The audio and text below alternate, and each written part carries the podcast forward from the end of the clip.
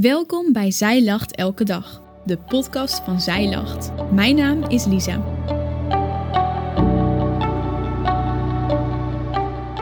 Dit is de overdenking van 24 juni door Mandy Wittekoek. Ken je het boek Jozua? Het begint net na Mozes zijn dood en met de opdracht die Jozua van God krijgt. Het is nu aan hem om het volk verder te leiden, het beloofde land in. Een behoorlijk spannende taak. Maar God zou God niet zijn als hij Jozua niet een aantal beloften deed.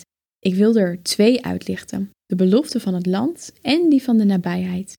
We beginnen vandaag met die van het land. Lezen in Jozua 1, vers 4. Jullie gebied zal zijn vanaf de woestijn in het zuiden tot aan de Libanon daarginds in het noorden. Verder het hele land van de Hethieten tot aan de grote rivier de Eufraat in het noordoosten.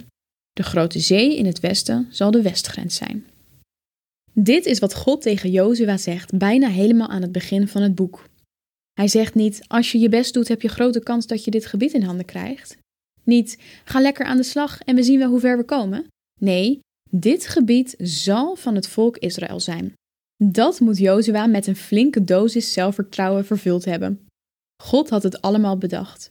Jozua moest het volk naar de uitwerking van die belofte toe leiden. Dat moest helemaal goed komen, toch? Als je de rest van het boek Jozua en de boeken die daarna komen leest, merk je al gauw dat dat iets te simpel gesteld is.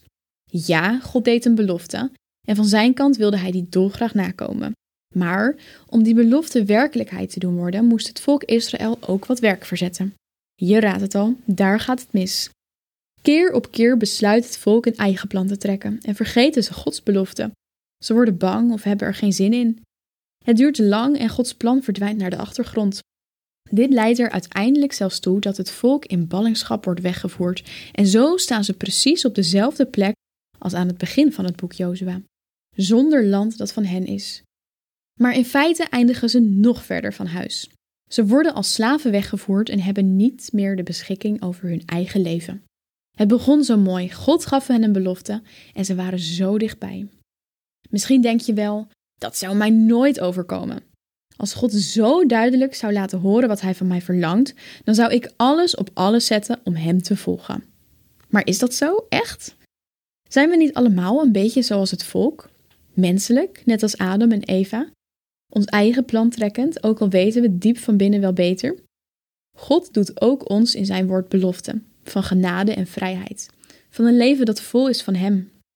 Het beloofde land, geestelijk gezien, ben jij met die belofte van God bezig of ben je afgedwaald en neem je genoegen met een slap aftreksel?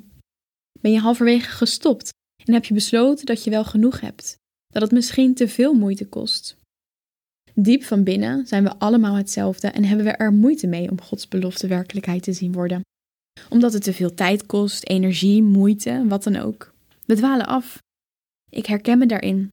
Onbewust verslapt mijn aandacht en op een bepaald moment kijk ik terug en denk ik: hoe is het zo ver gekomen? Toch mogen we ook hoop putten uit het boek Jozua. God laat nooit los. Keer op keer gaat hij verder met zijn volk en probeert hij het opnieuw. Hij geeft ze kans na kans na kans.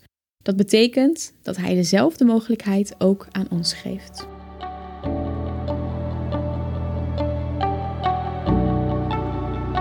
Dankjewel dat je hebt geluisterd naar de overdenking van vandaag. Wil je de overdenking nog eens nalezen? Check dan onze website. Je vindt daar ook nog meer toffe dingen die jou helpen om de Bijbel vaker te openen, zoals boeken, Bijbels, cursussen en evenementen. Morgen ben ik weer bij je terug met een nieuwe overdenking. Tot dan!